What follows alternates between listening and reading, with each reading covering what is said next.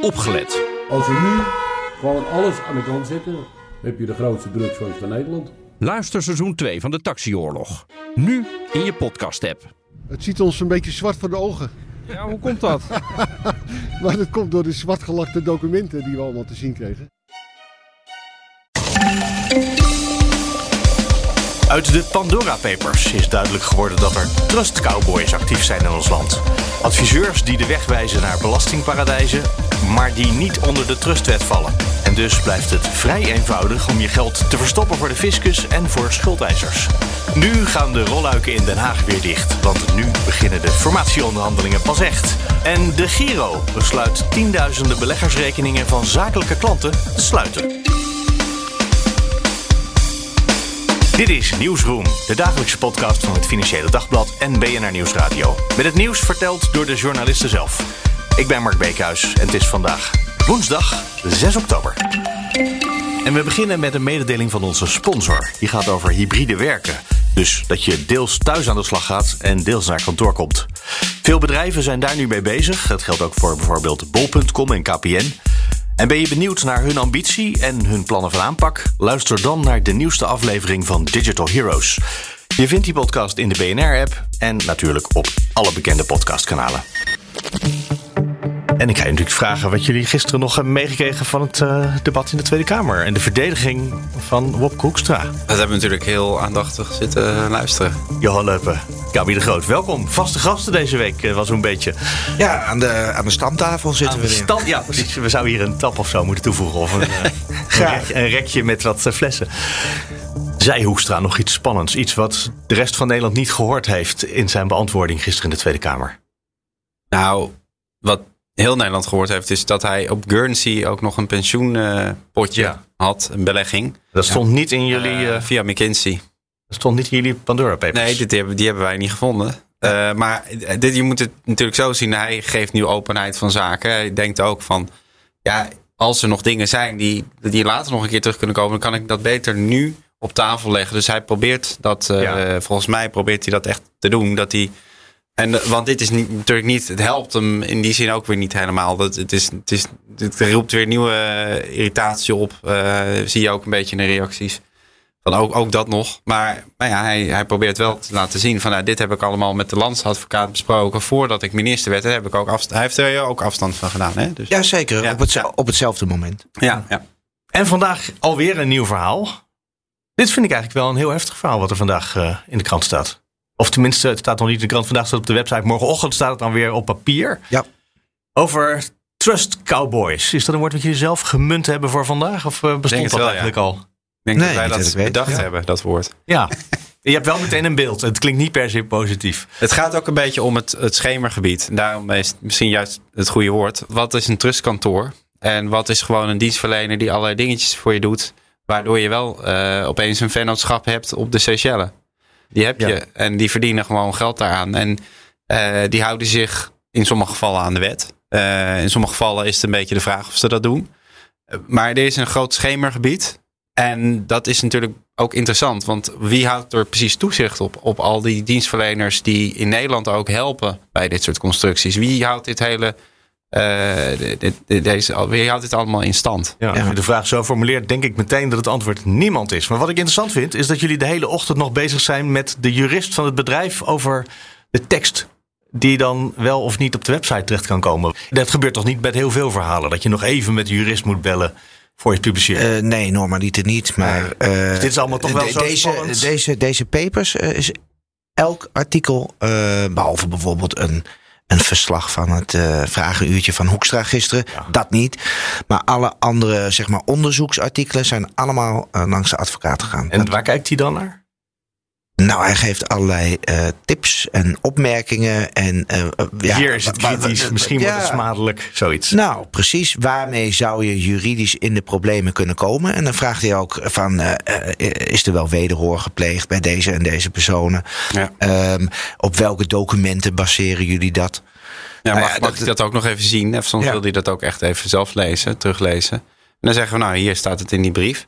En dan zegt hij oké, okay, maar uh, hij wil dat wel even ge gezien hebben allemaal. Ja. En dat is ook hartstikke goed, denk Nou ik. ja, en, en, het, en het verschilt ook weer per. eh, eh, hè, eh, zeker in het verhaal van eh, Hoekstra en de Zwaan had hij toch best wel wat, eh, wat opmerkingen. Maar het verhaal van eh Venten en van Vlissingen had hij eigenlijk niets.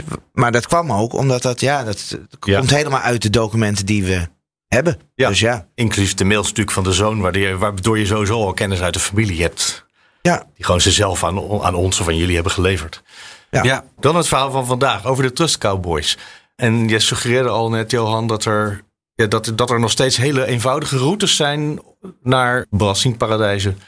En, en dat niemand daar toezicht op houdt, concludeerde ik zo eventjes half tussendoor. Was dat Ja. terecht? Ja, ja. Eh, het komt erop neer dat in de Panama Papers krijg je een, een- opeens een, een, een behoorlijk fijnmazig beeld van wie zit er allemaal op die belastingparadijzen, welke Nederlanders. Nou, daar hebben we natuurlijk nu weer een nieuwe slag in gemaakt. Maar wat we ook zien is hoe komen ze daar? Eh, wie helpt ze in Nederland, vanuit Nederland? ja. dat En- zagen we in de Panama Papers niet.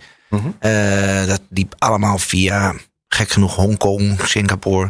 Want je ziet natuurlijk maar ehm, één deel. Eh, Je ziet maar de administratie van één kantoor. Maar je ziet helemaal niet wat daar voor gebeurt. Dus je ziet hoe zij corresponderen met hun directe eh, klanten.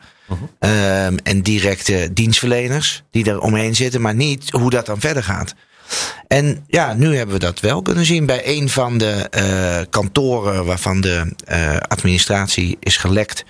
Zagen we de contacten met, met, met Nederlandse partijen, met Nederlandse tussenpersonen. Ja. En dat bleken dus partijen te zijn die geen trustkantoor zijn. Hè, wij denken altijd van, dat- wacht even, dat zijn wel mensen waar je een trustconstructie mee opzet, maar ze zijn geen trustkantoor. Ja, dat klopt. Want ja, dat, dat, dat zal ik even uitleggen. Dat is- zit uiteraard heel juridisch in elkaar en hoe het in de wet staat.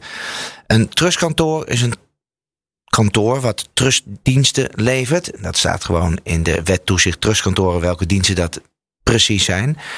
En die hebben dan een vergunning van de Nederlandse bank. Ah, en zonder vergunning ben je dat niet. En zonder vergunning ben je gewoon geen trustkantoor. Dan ben je gewoon een juridisch dienstverlener of een administratiekantoor of een, eh, nou, geef het maar een naam. Die niet onder toezicht staat. Want die staat niet onder toezicht. Als je geen vergunning hebt, dan sta je Ja. niet onder toezicht van de toezichthouder. Ja, maar ze hadden wel een vergunning moeten aanvragen. Als ik het zo in sommige gevallen regels denken wij dat. Eh, dat kun je niet. Dat is heel moeilijk. Dat moet je eigenlijk per geval bekijken. Mhm. Ja. Maar er zitten wel hele duidelijke twijfelgevallen tussen. Eh, waar wij dan ook, wij vragen dan ook weer advocaten eh, om te kijken naar zo. Kijk, dit, dit zien wij nou gebeuren. Moet, Dit is moet die mensen nou vergunning hebben niet? Ja, en daar verschillen de meningen dan Daar ook weer ja. over. Ja. En, en het is er dus, en daar zijn we een beetje achter gekomen dat het een beetje een grijs gebied is. Ehm, waar partijen ook een beetje in proberen te bewegen van... hey, even kijken, ik doe nu dit. Zou dat er nog net onder vallen of net niet? Oké, nou, Kan ik het, laat ik kan ietsje ik opschuiven. verdedigen in de rechtbank? Komen we er misschien mee ja, weg? Zo, eh, zo, zo simpel ligt het. En, en, en, en ja, eh, DNB eh, die acteert daar ook wel af en toe op. Mhm. Ehm, nou ja, en dan trekken ze zich misschien terug. Ja, het is, het, het is wel af en toe. Ze hebben. Ze, hebben, de- ze ze houden, DNB houdt toezicht op de trustsector. En dat is natuurlijk de vergunninghoudende sector. En je hebt daarnaast een vrij grote sector. Maar hoe groot die is, weten we niet. Maar er is eh, eh, begin eh, van de zomer is er een groot rapport van onderzoeksbureau CEO geweest. En die heeft toch wel op basis van eh, eh, eh, ja, kwantitatief onderzoek. eh, op basis van adressen en aantallen bestuurders. Hebben ze toch wel eh, moeten concluderen dat dat best wel eens een grote sector zou kunnen zijn. Maar Ja. als je toch toezicht houdt op eh, een sector, dan moet je toch ook erop toezicht houden dat er buiten die sector, die niet zich hebben gemeld voor een vergunning, eh, dat, daar Ja. ook toezicht op gehouden wordt. En dat, dat is heel weerbarstig in de praktijk. We, we zien dus ook, eh, je moet als toezichthouder natuurlijk, natuurlijk kijken ze ook wel naar, naar dienstverleners. Maar, maar de vraag is natuurlijk ook hoe beoordeel, hoe beoordeel je die dienstverleners en welk bewijsmateriaal kun je dan verzamelen? Dat weten die dienstverleners, sommigen daarvan weten dat ook heel goed. Dus daarom is die samenwerking met partijen op de Seychelles ook zo innig. Eh, ze weten ook heel goed van, nou, wij, daar- wij, daar gaan wij dingen mee doen. Die hebben vergunningen om al die eh, eh, bedrij- bedrijven op te richten. Daar laten we ook heel veel op de Seychelles gebeuren. Wat vervolgens niet zichtbaar natuurlijk is voor de toezichthouder in Nederland. Dus die, die samenwerking met buitenlandse partijen verloopt ook zo dat er heel weinig bewijs is eh, aan de Nederlandse kant. Ja. En, en daarmee staat die de kant toezichthouder al een ook paar... niet, Je staat gewoon 3-0 achter al. eh. Ja, en dan gaat het er echt om puur juridische steekwerk van.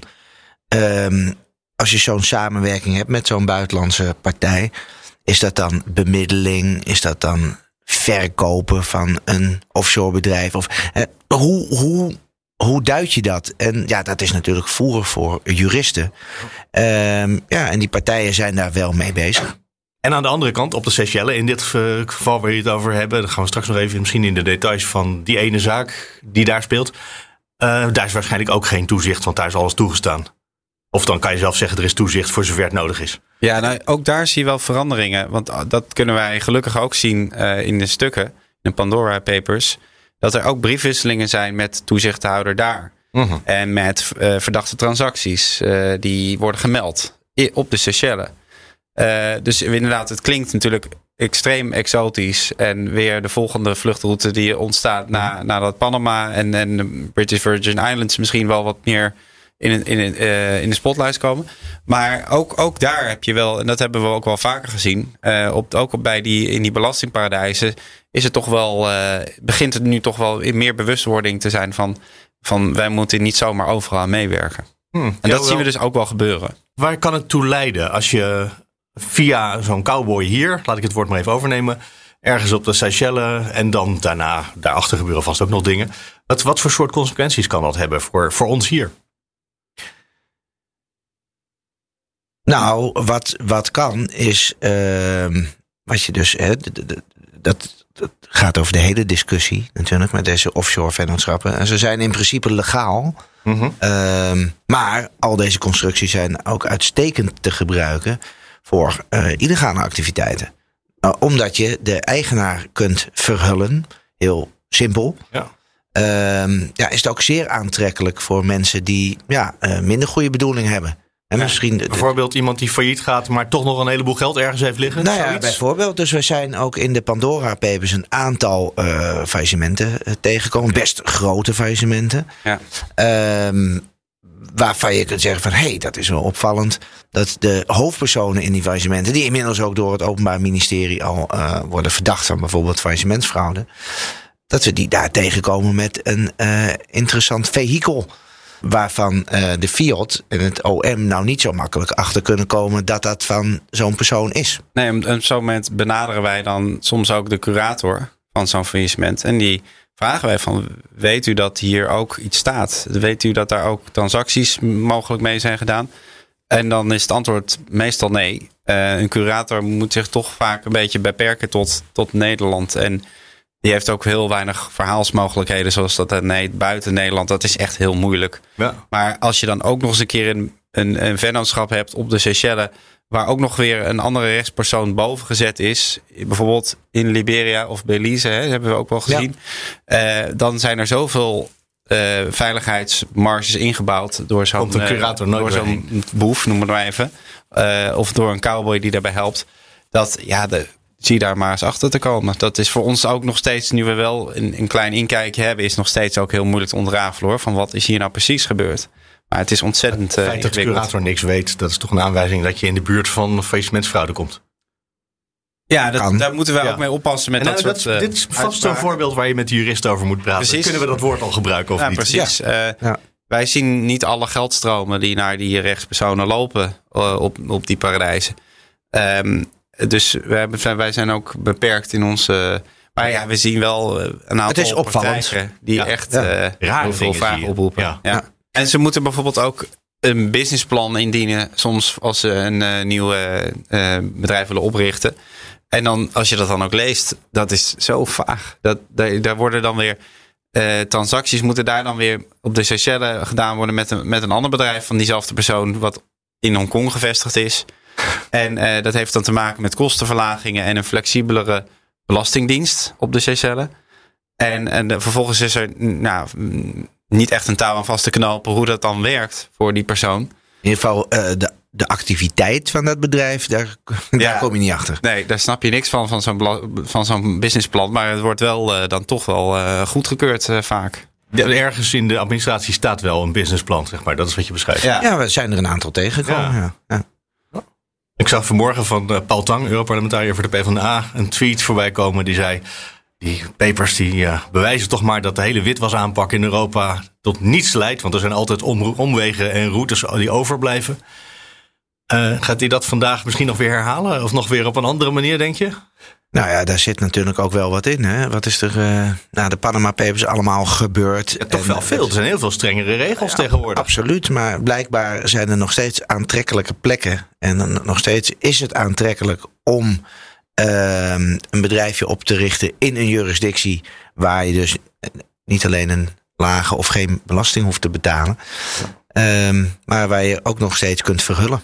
Ja, en wat je natuurlijk ook, ook, Wat je natuurlijk ook ziet, wat is er veranderd naar bijvoorbeeld die meldingen van verdachte transacties? Dat zijn banken veel meer gaan doen. Ook andere uh, beroepen zoals notaris en makelaars die denken van ah, dat moeten wij eigenlijk ook gaan doen. Dus dat is wel op gang gekomen. Maar Gabi en ik hebben ook gekeken naar die verdachte transacties een tijdje geleden uh, met de FinCEN files. Mm -hmm. En wat er dan daadwerkelijk van uh, leidt tot vervolging, vervolging ja, tot veroordeling van verdachten. Ja, dat, is, nou, dat valt niet te meten, maar je kunt eigenlijk zeggen dat het aan bijna ja, sporadisch een keer voorkomt dat er iemand wordt opgepakt. En naar aanleiding van al die honderdduizenden meldingen die we hier in Nederland ook nu doen al. Dus inderdaad, wat het rendement nou precies is, uh, ja, dat is heel moeilijk te meten en vermoedelijk toch nog steeds heel laag. Ja, en er blijven dus nog steeds uh, landen in de wereld, vaak eilanden, uh -huh. die nog steeds producten aanbieden uh, zo, zo'n mooie vennootschap. En dan bieden ze er ook nog uh, een nominee director of een nominee shareholder bij aan. Daarmee uh, ja, scherm je de uiteindelijke eigenaar, de UBO, kun je geheel afschermen. En ja, daar komt gewoon niemand achter. Zit er morgen ook weer iets moois in de pijplijn? Of is het nu eventjes een dagje vrij? Nee, is niet vrij. Niet nee, vrij. Nee, nee, nee, nee, nee, nee. Er zit nog heel veel in de pijplijn en sommige dingen die zijn echt al bijna klaar voor publicatie. Andere dingen dan weten we dat we daar nog veel energie in moeten steken van wat zien we hier nu eigenlijk? Of, ja. hè, we hebben natuurlijk een paar dingen voorrang gegeven, maar we, we, we gaan hier nog wel een tijdje lang uh, plezier van hebben, denk ik. Ja, absoluut. En de lezers ook. Nou, plezier. Ik vind het wel jammer steeds wat ik hoor van jullie. Journalistiek plezier. Ja, ja, ja, nee, dat is waar. Gabi de Groot, Jan Leupen, dankjewel weer. Oké, okay, Mark, ik kom net de parlementaire enquête zo uitgelopen. Ja, waar de persconferentie nieuwe, was. Het nieuwe duo, Koolmees en Remkes, uh, hun experiment hebben aangekondigd. Je zegt een experiment. Meteen maar eventjes uh, inbreken daarop, uh, Sophie. Want ja. het, het, ze gaan toch gewoon een kabinet formeren? Nou, de onderhandelingen en de, de, formatie wordt dus een, een experiment. Want ze willen het helemaal anders gaan doen. Mm -hmm. Met een beknopt regeerakkoord. Dat hebben we eerder gehoord, denk ik in de parlementaire geschiedenis, maar dan nu echt. Ja. En daarna een regeerprogramma. En ja. andere partijen die mogen meedenken. Dat hebben we ook al eerder gehoord, maar volgens mij wilde niemand echt meedenken of meewerken. Dus uh, wat de Koolmees zei ook net, uh, dat het niet zeker is of het dan gaat lukken. Nou. En of het experiment, we weten eigenlijk zelf ook nog niet zo goed hoe, het, hoe we het gaan doen en hoe het gaat aflopen.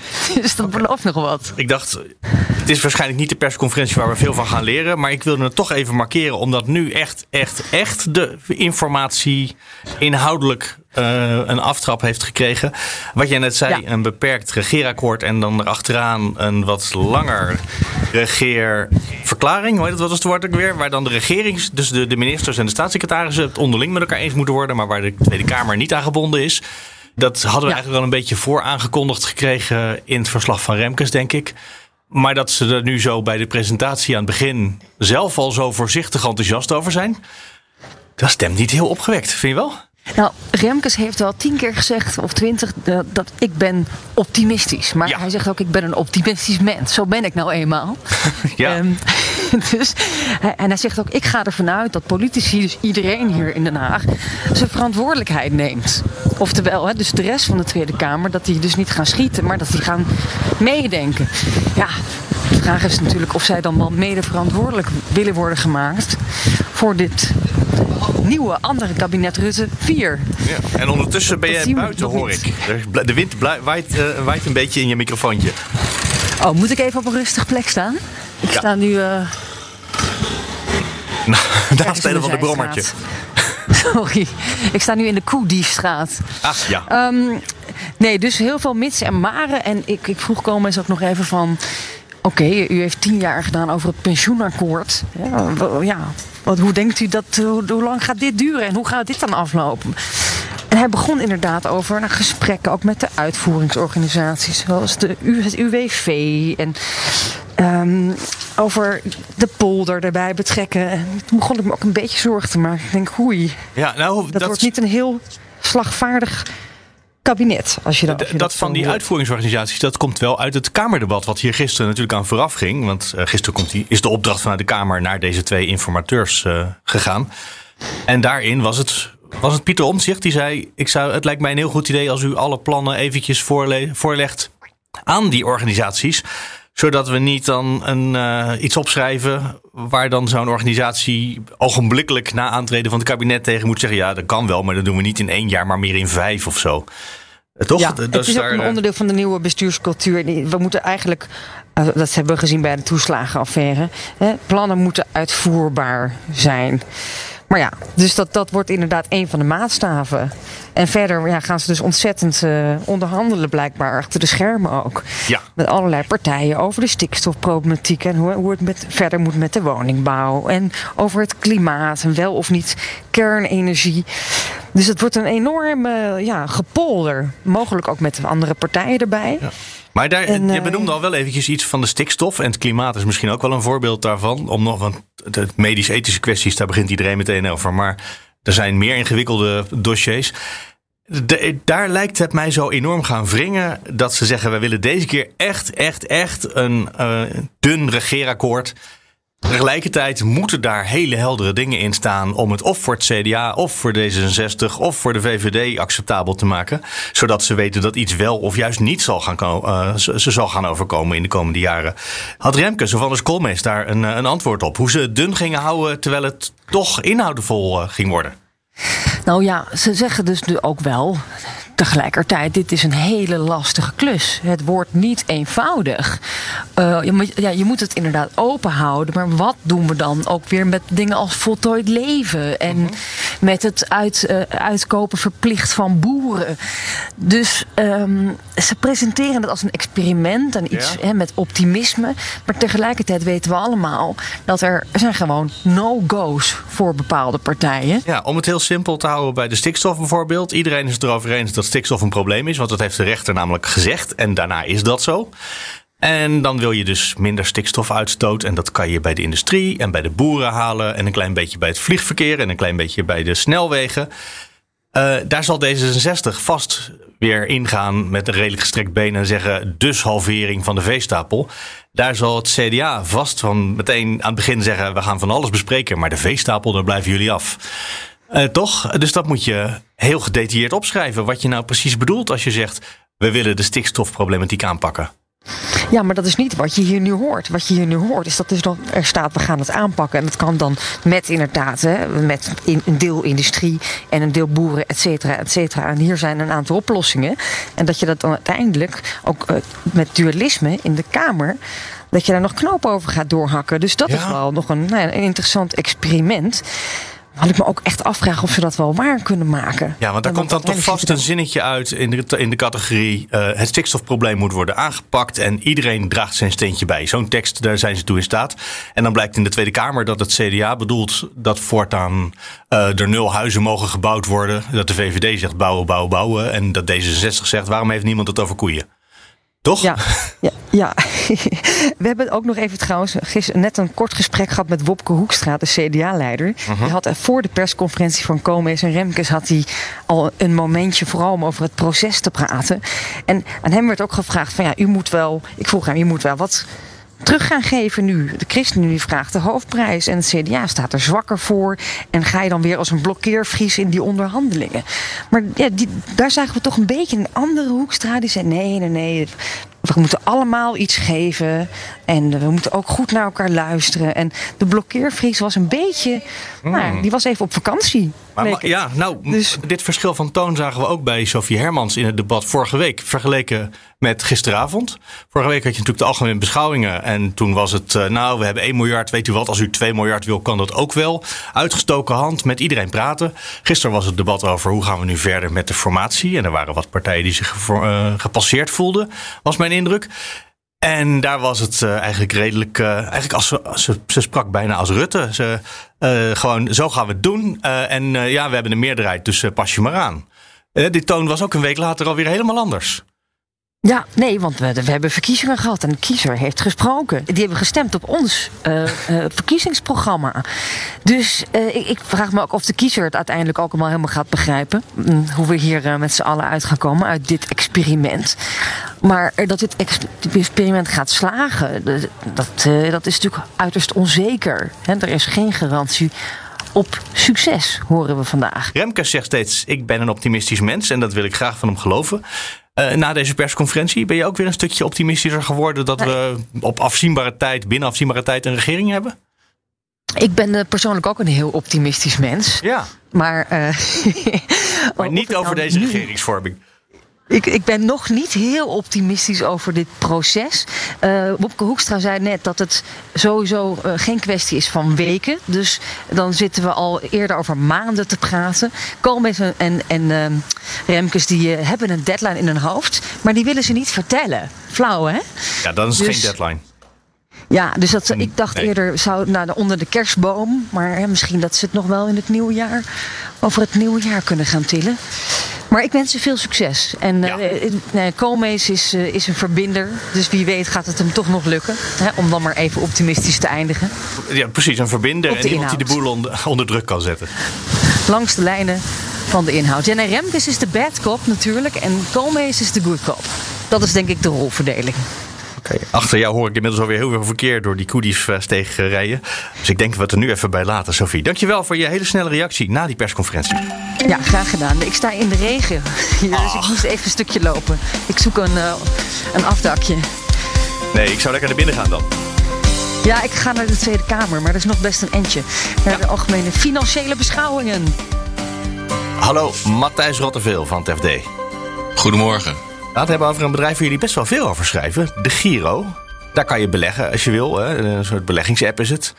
Behalve als je een bedrijf bent, want dan word je eruit geknikkerd. Ja, dat klopt. Ja. Dat, uh, dat kon tot, uh, tot nu toe kon dat altijd wel. En uh, ze hebben er eigenlijk genoeg van. Dus je wordt eruit gegooid. Als Inderdaad. particulier mag je wel blijven, toch? Als je ja, daar als gewoon particulier het, mag je wel blijven. Uh, maar alle bedrijfsrekeningen uh, die worden opgedoekt. Dus iedereen uh, die daar belegt in een pensioen-BV of voor een stichting, voor een vereniging, voor een bedrijf, die worden verzocht te vertrekken. Ze hebben een maand tijd gekregen en anders sluiten ze de rekening. dat zijn ja, toch de twee opties, langer? Iets langer, ja, iets langer. Ja. Iets langer nog, oké, okay, nou ja. Uh, even goed, de rekening wordt wel gesloten als je je geld er niet ja, weghaalt. Precies, ja. Als je gewoon niets doet, dan uh, doen ze het voor je. Dus dat uh, misschien wel handig. Ja, je hoeft, hoef je het niet zelf uit te voeren, doen zij het voor je. Nou ja, waar blijft je geld dan? Of sturen ze het dan gewoon terug naar de laatste rekening die ze van je ja, kenden? Precies, ja, precies. Ja. Ah, ja. ja. dan wordt het gewoon teruggeboekt naar de rekening uh, waarmee je je geld uh, ooit op de, op de beleggingsrekening oh, van natuurlijk. Hebt gezet. Je moet je aan het begin altijd identificeren door een cent over te maken. Ja, dan precies, weten ze wie je bent. Precies. Ja, precies. Oké, okay, nu snap ik hoe ze, wat ze met je geld kunnen. Waarom willen ze af van deze beleggers? Nou, ze, die zijn te, te, ingewikkeld. Ze willen gewoon één soort belegger. En dat is gewoon heel simpel de particulier. Dus gewoon de, de thuisbelegger die, uh, die zelf aan het spelen is. Of uh, belegt voor de lange termijn. Maar geen, geen bedrijven die toch misschien wat, wat meer complexe complexere regelgeving met zich, met zich meebrengen qua, qua screening. Dus hè, wie oh, ja. is wie en, uh, en daarom willen ze dus daar graag vanaf. Dus alleen uh, natuurlijke entiteiten, personen willen ze. Precies. Als ik een bankrekening heb en ik doe een cent, ik maak een cent over, dan weten ze meteen dat dat is meneer Beekhuis, die kennen we. Ja, wij zijn heel makkelijk, uh, ja. niet ingewikkeld. Maar zo'n bedrijf um, kan weer onderdeel zijn van een holding, kan weer onder zijn van een stichting. Nou, daar hebben we natuurlijk de afgelopen ja. dagen met uh, Pandora ja, Papers heel veel van geleerd. Wopke, Wopkes. Ja, dus daar, daar willen ze vanaf. Daar kan me ietsje van voorstellen, nu we het er zo over hebben. En toch, ik zou nog steeds denken, maak je de kosten wat hoger voor dat soort beleggers. Maar dat is kennelijk echt heel duur om zeker te weten wie wie is. Nou, die verhalen kregen wij ook te horen inderdaad. Van, uh, we, hebben ook mensen gesproken die zeiden: ja, ik heb, uh, ik heb, ik beleg hier via mijn BV. Ik beleg hier ook uh, gewoon persoonlijk. Ze hebben me niet de optie aangeboden om het allemaal over te schrijven naar mijn persoonlijke rekening. Um, of het om te vormen naar een persoonlijke rekening. Het is eigenlijk gewoon heel simpel. Ze zijn ook wel heel nou ja, goed, uh, uh, direct in de communicatie. Het is gewoon, je sluit die rekening, anders doen wij het voor je. En we gaan verder niet uitzoeken wat andere opties zijn. Ze willen gewoon van, van, van die rekeningen af. Ja, uh, want toezichthouders ja, zijn, zitten er bovenop. Ja, wat, ja dat kost, ik, het kost gewoon heel veel. En dat is niet bij de Giro, is niet de enige erin. We hebben natuurlijk ook verhalen over, over ABN AMRO en ING gehad. Die boetes hebben gehad vanwege die witwasregelingen. Ja. Um, en de Giro wil in ieder geval meer boetes eh, voorkomen. Want ze hebben in het verleden natuurlijk al uh, wat aanvaring met AVM gehad. Ze hebben geen zin blijkbaar om, om hier nog zoveel compliance officers, mensen die het allemaal controleren, op te zetten. Om allemaal in de gaten te houden. Ze willen het simpel houden. Ze zijn een bedrijf voor particuliere beleggers. En verder willen ze geen rompslomp wat dit betreft. Het lijkt me wel een kostbare operatie, want je hebt dus je aandelen, die verkoop je, dan krijg je transactiekosten. Dus je wordt gedwongen om een rekening te sluiten krijg je er meteen kosten bij. Klopt, en die zegt uh, de Giro aan het einde van de termijn uh, te vergoeden. Dus als alles is afgerond, dan gaan ze alle transactiekosten die de mensen, uh, of nou de, de vertegenwoordigers van de bedrijven hebben gemaakt, gaan ze vergoeden. Alleen als je dat geld terug hebt op de rekening waar je mee ooit begonnen bent, hè, waarmee je ooit je geld op de Giro hebt gestopt, want daar gaat het dan naartoe of je haalt het er vanaf, dan moet je misschien weer opnieuw je portefeuille opbouwen. En dan begin je weer opnieuw bij een nieuwe dat vergoeden ze niet. Dus ja, dat zijn dan ook de klachten. Van ja, ze vergoeden wel uh, het afbouwen van mijn portefeuille. Maar daar ben ik halverwege. Het opnieuw opbouwen, dat gaat me toch gewoon geld kosten. Ja, want je krijgt eigenlijk maar de helft van de transactiekosten dan vergoed. Ja. Misschien ja. moet je ook niet meer verwachten van een prijsvechter. Denk ik dan even. Klopt. dus, uh, Klopt. Ze, want ze zijn echt goedkoper dan de anderen, hè? Ja, ja, dat, nu dus wordt het een reclamepraatje bijna. Maar dat is natuurlijk een reden waarom mensen er zitten. Dat, en een reden waarom ze eruit moeten, zo gauw je kosten maakt. Ja, uh, ze, ze, willen het ook simpel houden, denk ik, om het goedkoop te houden. Ja. En ik, ik, ik uh, hoorde ook een, uh, een klant van de Giro zeggen: Ja, ik heb, ik heb om me heen gekeken bij alter, op zoek naar alternatieven. Maar het is gewoon heel moeilijk te vinden. Dus dat is dan wel weer inderdaad reclame voor de Giro. Maar ja, het is wel zoals je, als, je ziet wel in het verleden: het is lage kosten, maar ook gewoon echt heel weinig service. En daar moet je dus dan ook rekening mee houden. En dit is natuurlijk ook gewoon onverwacht. Ja, het, ik vind het wel heel bijzonder, moet ik zeggen, dat je je klanten uh, een, een, brief stuurt uh, of een mailtje uh, met de mededeling. We gaan gewoon je rekening sluiten binnen drie maanden. 1, 2, 3, succes ermee. Ja, het doet een beetje denken aan de Ryanairs in deze wereld. Die, ja, precies. Voor, een, voor een cent soms een vliegticket kan krijgen. Ja, Alleen voor de betaling betaal je tientje via de creditcard en daarna nog. Uh, want je wilde ook een koffer meenemen. Oh ja, nee. Ja, precies. voor je weet is het toch gewoon Als je ticket niet geprint hebt, hè? Als je, als je geen print van je ticket bij had, moest je 200 euro voor, om een printje te laten maken. Of zo. Dat, uh, dat soort zaken. Nou, dat, dat, dat hebben ze hier bij de Giro daar, dan nog even niet gedaan. Nee. Oké. Okay. En is het dan klaar met, uh, met de Giro nu? Um, nee, nee, nee. We zijn bezig met weer een volgende verhaal. Dus uh, ik, uh, we, we, gaan uh, vrolijk verder. Ja? ja, nee, ja, er komen meer dingen aan. En uh, ik kan nog uh, ja, niet te veel over zeggen. Maar goed, uh, dingen die we in het verleden hebben gezien. Er is altijd wat aan de hand. Dat stond ook in dit. Het is altijd rumoerig. Dus ja, ja. dat blijft voorlopig nog wel even zo doorgaan. Wat dat betreft lijkt het ook een beetje op die andere prijsvlechter uit de luchtvaart. Die ook, daar is ook altijd rumoer ja, om precies. Ja, ja, dat hoort kennelijk bij altijd wat te doen. Ja. die serieuze budgetbedrijven. Matthijs Rotteveel, dankjewel. Dankjewel, Mark. En dat was hem voor vandaag. De show notes vind je natuurlijk op bnr.nl slash nieuwsroom. En als je wil reageren, mail daarvoor naar nieuwsroom.bnr.nl of nieuwsroom.fd.nl. Zoals bijvoorbeeld Anton deed, maar wat hij mailde, daar gaan we het pas op vrijdag over hebben in deze podcast. Dus dat heeft te maken met de politiek. Dat was hem. Tot morgen.